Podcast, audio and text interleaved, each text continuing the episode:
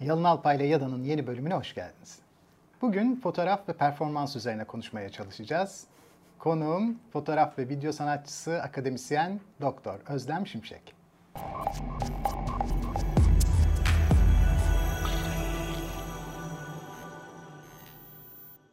Programlarımızı her zaman olduğu gibi Satoshi'nin YouTube kanalından ve Satoshi Radyo'nun podcast yayınlarından izleyebilir ve dinleyebilirsiniz.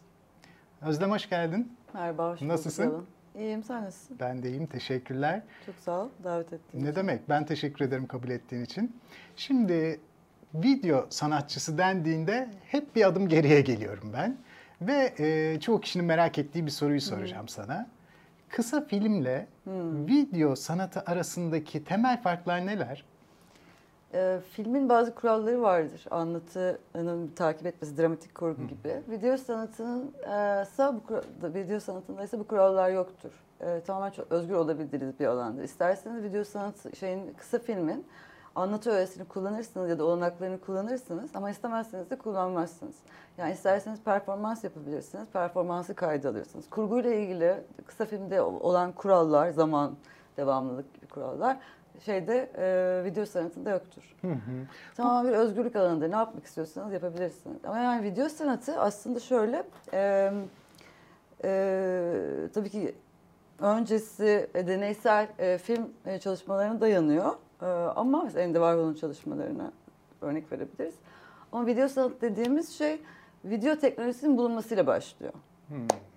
VHS devam falan gibi şeyler mi? VHS gibi mi? Tabii 1967 yılında Sony kamerayı çıkarıyor ve video sanatı başlıyor. Şu mu demek oluyor bu? Artık televizyonun yayınladığı şeyi çekmeye zorunlu değilim. Alternatif bir şey çekebilirim. Çünkü onu banttan siz artık izleyebiliyorsunuz. Böyle bir kurgusal mı? Ee, aslında şöyle, e, şimdi sanatçıların, yani şimdi fotoğraf e, 1839'da te- e, icat ediliyor, E, onun bir geleneği oluşuyor belli bir zamana kadar. E, 1960'lara gelinceye kadar yani işte siyah beyaz dengesi, ne anlatacaksınız, kompozisyon kuralları, yani belirli bir e, şey var, kurallar silsilesi oluşuyor disiplini. Resim zaten hani e, o çok uzun bir tarihi var. E, diğer sanat dallarının da öyle ama 1960'da 67'de e, video teknolojisi e, oluştuğunda e, sanatçıların eline video kameralar geçiyor ve bu erişilebilir e, bir e, malzeme. Yani ucuz e, görece işte sinema kamerasına göre. Dolayısıyla e, ve şey kuralları belli bir e, disiplin değil. Dolayısıyla istedikleri her şeyi yapabiliyorlar. Mesela orada ilginç şöyle bir nokta var. Feminist sanatçılar e, özellikle Amerika'da ikinci kuşak feminist sanatçılar e, video kamerayla e, ellerine geçince e, kimlik ve performans üzerine ve toplumsal cinsiyet üzerine inanılmaz güzel işler yapıyorlar. Bunun e, sebebi de şu, e, diğer alanlar erkekler tarafından fazlasıyla belirlenmiş, e, kuralları belirlenmiş alanlar. Ama bu video Yeni bir alan yeni diye. bir alan ve çok özgürlükçü bir alan. Dolayısıyla bir de şey de denemiyor yani bu kurallara uymamışsın işte kadın eli, erkek eli şey vardır resimde mesela. E, gibi şeyler dayatılamıyor. Yani dolayısıyla e, büyük bir özgürlük alanı açıyor. Video sanatı çok tarihi eğlenceli bir tarih. Fotoğraf öncesinde görsellikle sanat üretmede kişiler kendi kendilerini çizebiliyorlar. Otoportre diyoruz buna. Evet. Başkasını da çizebiliyorum. Tabii. Portre diyoruz buna. Fotoğraf ortaya çıktığında bu zahmetten birazcık sıyrılıyorum, kurtuluyorum. O kişiyi belli bir kadraj ve başka bir teknikle, yeni bir teknoloji olanağıyla, yeni bir protezle başka şekillerde ifade etme olanağına kavuşuyorum. Ressam olarak başkası şey fotoğrafçı Görüntü olarak. üreten olarak evet Tamam. ressam olarak değil ama görüntü üreten olarak evet. Bu görüntü üreten olarak yeni bir teknolojiyle karşılaşmam beni başka şekillerde üretim yapmaya koşulluyor. Ve o zaman benim tekniksel bilgilerim değişiyor. Eskiden pigmentlerle uğraşıyorum. işte hangi boyayla hangisi karıştığında ne elde ederim. Üç boyutlu çizim için ne elde ederim. Şimdi yeni protez için üretimler yapıyorum. Video çıktığında bir de hareketli olduğunda görüntü artık başka bir yenilikle karşılaşıyorum. O zaman senin söylediğin performans öne çıkıyor diye düşünüyorum. Neden? Bir ressamın performansı anlık ve geriye alınamaz bir performans değil.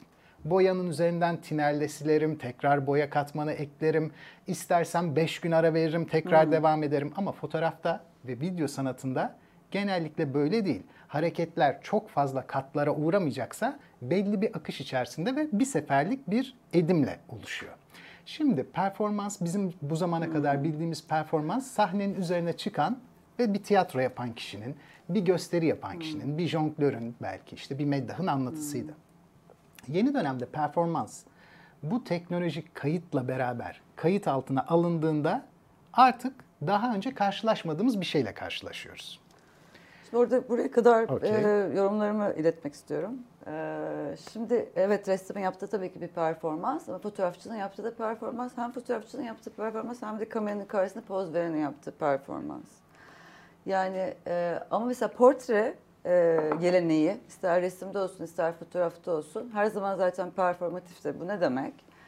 Şu demek, e, siz ister kameranın karşısında olun, ister ressamın karşısında olun, kendinizi sunarsanız ona, yani kendinizin bir temsilini oluşturmak için poz verirsiniz. Bu temsil nedir? Sizin bulunduğunuz sınıfa, işte toplumsal e, gruba, işte ne kadar entelektüel hissediyorsunuz, kendinizi ne temsil etmek istiyorsunuz, yani ne, nasıl anlatmak istiyorsunuz kendinizi diğer insanlara, nasıl sunmak istiyorsunuz, bunları yansıtır, bu stereotipleri yansıtır. Resimden fotoğrafa geçerken yani fotoğrafın icadıyla e, birlikte şöyle bir e, farklılık oluşur. Resim e, ve portre bir kendi imgene sahip olma ayrıcalığı fotoğrafın icadından önce çoğunlukla üst sınıfa ait bir şeydir. Çünkü resim yani kendi resmini yaptırmak pahalı bir iştir. Ama fotoğrafla birlikte bu ucuzlar dolayısıyla bir kendi temsiline sahip olma e, olmak e, demokratikleşir. Ama hala aynı e, şeyden bahsediyoruz. Temsil geleneğinden bahsediyoruz. Hala ben nasıl kendimi sunmak istiyorsam o şekilde kameranın karşısında poz ver- veririm. Yani bu fotoğrafın icadından itibaren yani bütün e, portre geleneği boyunca böyledir. Ee, orada şöyle bir durum var. Ee, fotoğrafın icadı bu stereotiplerin e, yani bu e, temsil biçimlerinin kalıpların daha geniş e, kesimlere yayılmasını sağlar. Çünkü e, hala resim bir tane biriciktir. Gidip o resmi görmeniz gerekir. Orijinalini ya da işte reprodüksiyonunu görmeniz gerekir. Ama fotoğrafın icadıyla birlikte çok sayıda baskı oluşturabilirsiniz. Ama Onlar resmi de çok yayılır. sayıda basabiliriz aslında. Nasıl basıyoruz? Bayağı işte fotoğrafı nasıl çoğaltıyorsak resmi de fotoğrafını çekip Fotoğraf çoğaltabiliyoruz. icadından önce nasıl yapacağız fotoğrafını çekeceğiz? Fotoğrafın icadından önce çekemeyiz. Yani fotoğrafın icadıyla birlikte Yani resmi de fotoğrafın çoğaltabiliriz. icadıyla beraber resim de çoğaltılabildiği için E, tabii, aynı tabii. olanaktan Evet ama bu sefer artık Hatta Walter Benjamin'in Ama- bu konuda bir kitapçığı bile var. tabii ki var. Ama orada şöyle bir şey var. Fotoğraf icat edildikten sonra resim artık gerçekliği aramaktan, gerçekliğin temsilini e, oluşturmaya çalışmaktan vazgeçer. Başka alanlara doğru kayar. Dolayısıyla portre geleneği de değişir. Şimdi performansı şurada kalmıştım galiba. Ee, tiyatro, jonglör, işte meddah gibi bir yapıdan çıkıyor ve anlamın geriye alındığı bir performans öne çıkıyor değil mi? Mesela Marina Abramovic'i düşünüyorum. Yaptıkları tekrara dayalı, işte bazı bariyerler koyuyor başkaları yapamasın diye. Ne bariyerler? Fiziksel yaralanabilme bariyeri. Evet. İşte eline bıçakları böyle dolaştırıp bir müzikle beraber yapıyor. Sonra aynı müziği tekrar koyuyor. Nerede kendi elini yaralamışsa yanlışlıkla müziğin aynı yerinde bilinçli olarak aynı yerleri yaralıyor. Bazı kişiler var kendilerine ateş ettiriyorlar biliyorsun sen de. Evet. Performans artık görüntü oluştururken başka şeyleri dikkate alıyor. Ve bu başka şeyler izleyicinin ilk baktığında gelenekten koptuğu için ne kadar anlamlı ne kadar anlamsız bir böyle e, muğlak bir alana saçılıyor. Video artta bu muğlak alanı daha yoğun görüyoruz. Yani video artın ben performansını kısa filme göre ressam elinden çıkmayan teknolojinin bu yeni olanağıyla bir şeyler yapmaya çalışan bir algı olarak görüyorum. Peki Duşan işte 2. Dünya Savaşı'ndan sonra Amerika'ya geldiğinde gerçeküstücülerle işte o da filan böyle bir sürü kişiyi etkiliyorlar, değişiyorlar. Soyut dışa vurumculuk filan gelişiyor işte Pollock bilmem ne. Duşan'ın etkilediği kişilerden birisi de Johnny Cage. Performans dendiğinde Johnny Cage hemen akla geliyor çünkü müzikte bildiğimiz bütün yapıları bozuyor. Video artta daha önce bildiğimiz bütün anlatı yapılarını bozuyor. Johnny Cage nasıl bozuyor? Mesela 4.33'ü düşünelim. Ee, 4 dakika 33 saniyelik bir Sessizlik. performans. Adı evet sessizlik. Ve bittiğinde ne yapıyor? Konsere geliyorsunuz hiçbir nota çalınmıyor. Sadece duruluyor. Tabii insanlar da bir şaşkınlığa uğruyorlar. Söylemine aslında ben size buradaki doğal sesleri dinlemeniz için bir fırsat verdim. Evet. Evet bu bir performans ya da bu bir happening mi? Şimdi hani oradan yola çıkalım. Bu happening mi performans mı? Ya Ne da fark eder? Bence bayağı bir şey fark Yani eder. şöyle- Şundan söylüyorum. Eğer kavramları hayattan seçtiğimiz şeylerle eşlemezsek o zaman bir kakafonun içine düşeriz. Yani her şeyi aynı pakete attığımızda hiçbir şey birbirinden fark edilemez olur. Ama bizim hayatı algılamamız onları fark edip başka kavramlar olarak birleştirmemiz, ayırmamız, bütünleştirmemiz, tekrar dağıtmamız gibi şeylerden oluşuyor. Tabii şöyle diyebiliriz hani istiyorsan. Senin sanata yaklaşımında belki de hayatın bütün farklılıklarını yok etmek üzerine kurulu bir dünya oluşturma olabilir. Ee, şimdi perform yani işte Fluxus, John Cage, Fluxus sanatçı gerçek stüdyolardı. Avantgard sanatçılar. Onların zaten amaçları hayatta sanatı e, olabildiğince yaklaştırmak ve sınırları e, Belirsizleştirmek. e, belirsizleştirmek ya.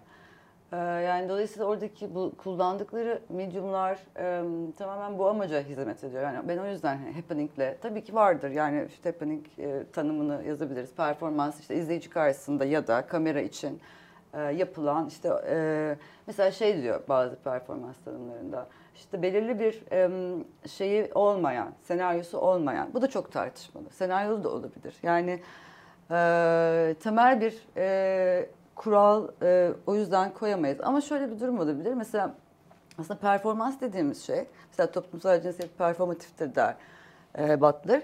Performans dediğimiz şey aslında sözle başlar. Yani bir şey ol demekle başlar. Ben e, sana doğduğunda işte Yalın ismini koymuşlar ve sen o Yalın olarak büyürsün. İşte bana Özlem ismini koymuşlar. Ben de Özlem olarak büyürüm. İşte sizi karı koca ilan ediyorum denir ya. E, karı koca ilan eder bizi işte devlet memuru ya da rahip. Ondan sonra biz karı kocaya dönüşürüz. Dönüşmeye başlarız. O süreci o başlatır. Yani biz bedensel olarak işte karı kocanın e, topdan beklenen toplumsal e, normları, hareketleri yapmaya başlarız. Yani o yüzden Bence çok güzel bir şey söyledin biliyor musun? Çok Kafamda güzel. bazı bir yerler e, e, uyandı yani böyle sen söyleyince. Şimdi bu Godwin'di galiba. Günlük hayatta benliğin oluşumu falan harika kitapları var yani. E, kişinin gün boyunca da zorunlu olarak sürekli performans Tabii. yaptığını düşünüyoruz. Tabii. Özellikle de birbirini tanımayan insanlardan oluşan bu postmodern kentlerde. Çünkü komşumuzu bile tanımıyoruz. Herkes bizim için yabancı. Fakat konuma göre performansımız değişiyor. Mesela stüdyoya geliyorum. Başka birisiyim. Tabii. Dışarıda başka birisi, asansörde Evde tek başka biri, evde başka biri. Sürekli başkasıyım. Bu başkalıklar Başka arasında bence şöyle diyelim. Yani başkalıkları da o zaman hani altını çizmeye çalışayım. Ben dediğimiz bir şey ben onun da bir kurgu olduğunu düşünüyorum. Çoğu kişi gibi yani. Tabii. Ben dediğimiz şey birbiriyle çelişmeden dünküyle yarın ve bugünkü arasında bir ortak çizgi bulmaya çalışan, sanki tutarlıymış gibi görünen bir kurgu. Dolayısıyla bu bir kurguysa bu bir senaryo. O zaman benim onu perform etmem gerekir. Onu uygulamam gerekir. Ee, bu yüzden hayatımızda çoğu devam ettirdiğimiz şeyi performansla devam ettiririz. Üstelik de aynı anda hemen performanstan performansa geçip başka bir şeye dönüştüğümüzde bundan rahatsızlık da duymayız. Ama bunun ileri aşamasına bilinç yarılması diyoruz. Yani iki ben, üç ben. Bu benim kafamda birbirinden ayrılmış net şekilde farklı benliklere erişirse o zaman sorun yaşıyorum. Niye? İkisini de eş zamanlı olarak sürdürmek istiyorum. İkisini de kendi içinde çelişkisiz ve tutarsız sürdürmek istiyorum. Performans alanları bence benim algıladığım kadarıyla günlük hayatın içinde yaptığınız performansla benim bu yaptığım arasında Allah aşkına ne fark var? İkisi de aynı absürtlükte. Neden bunu absürt olarak görüyorsun? İşte fark et, sen böyle bir yaşamda yaşıyorsun. Buralardan çıkıyor olmalı. Mesela Marina'nın yine düşünüyorum.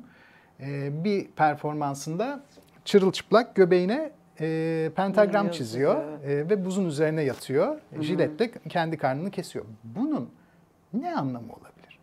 Buna Şimdi ancak acı anlam üzerine çalışıyor Abramovich. Bedenin dayanıklılığı. O, o bahsettiğiniz serilerde acı üzerine çalışıyor. Bedenin, bedenin dayanıklılığı üzerine çalışıyor. Ve tabii ki orada izleyicinin bu e, işe baktığındaki e, deneyimi de çok önemli. Yani onu yoksa evde tek başına yapar yani ne gerek. Dolayısıyla izleyicinin katılımı da önemli izleyiciye açık performanslarda. E, yani izleyici o mesela bir tane ilk zaman ilk dönemlerinde yaptığı bir performans vardır. İsmi şimdi. sıfır. Masanın üzerine bir Evet. sürü alet da çeşitli İstediğin her şeyi yapabiliyorsun o Evet orada aletlerle çıplak Marina'ya. bir şekilde durur ve Marina'ya her şey yapabilirsin. Aslında başta giyinik de sonra millet Ha, üstünü bir yırttığı için evet, çıplak kalıyor. evet. Fotoğrafları hatırlıyorum. Ee, mesela orada bayağı tehlikeli bir noktaya gelmiş insanların Birisi yaptıkları. silahı dolduruyor. Masanın üstündeki silahı o zaman artık bitiriyorlar. Evet. Zaten gözyaşlarıyla bitiriyor. Yani- Boğazını kesiyorlar şuradan İşte kanıyor. yani onu düşünün mesela. e, bir izleyici olarak öyle bir izin verildiğinde size ya oradaki malzemeyi Harika. alıp o gidip o insana gerçekten Evet. zarar Neyi verme göstermiş oldu? arzusu duymak Doğru. çok e, Çünkü kurduğu izleyicinin güya tırnak içinde söylüyorum. e, elit çizdiği kendine benliği çünkü işte sanat eserleri geziyor, işte performanslara katılıyor güya.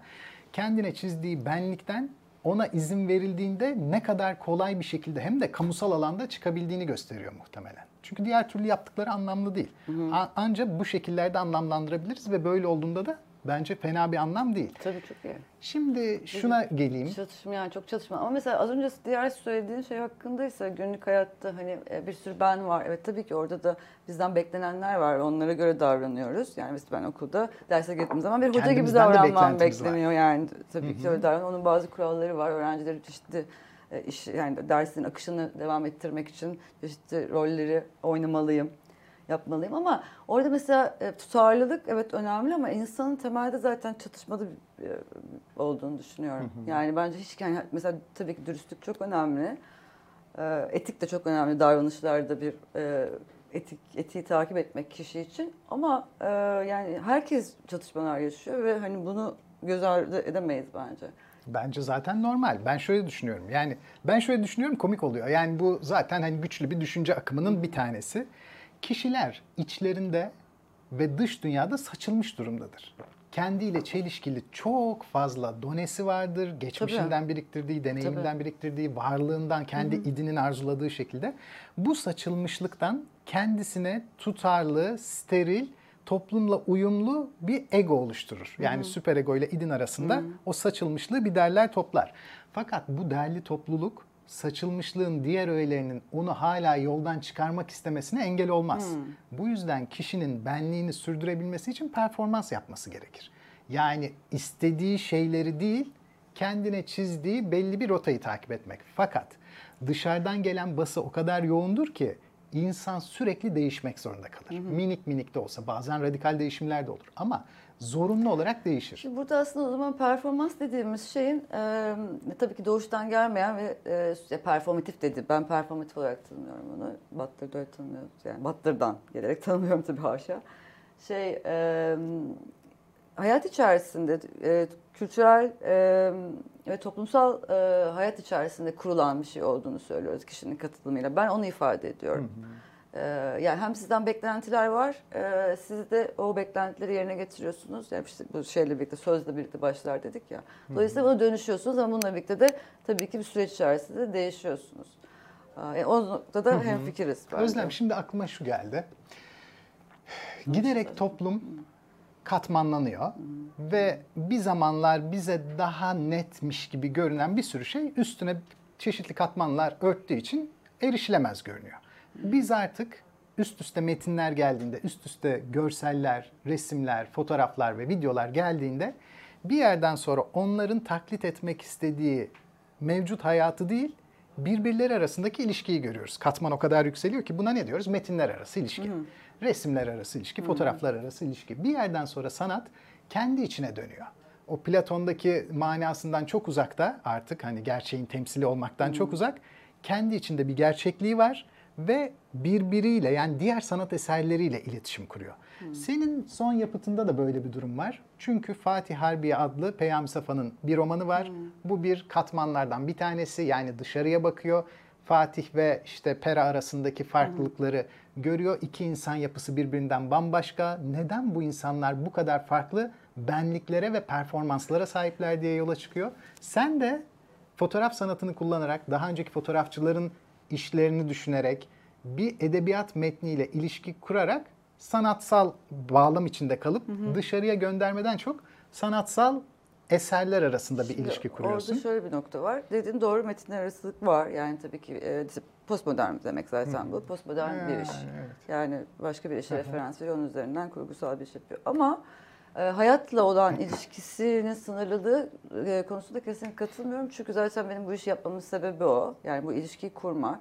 E, geçmişe dair, geçmişten bize bugün nasıl ideal kadın erkekler olmamız gerektiğini söyleyen bir metinde o dönemin tems e, önemli bir e, o dönemin kültürel ikliminin önemli temsillerinden biri olan bir metne cevap vermek ama bunu e, hayattaki dönüşümle birlikte vermek. Şimdi benim işlerimde ben kendim kullanıyorum.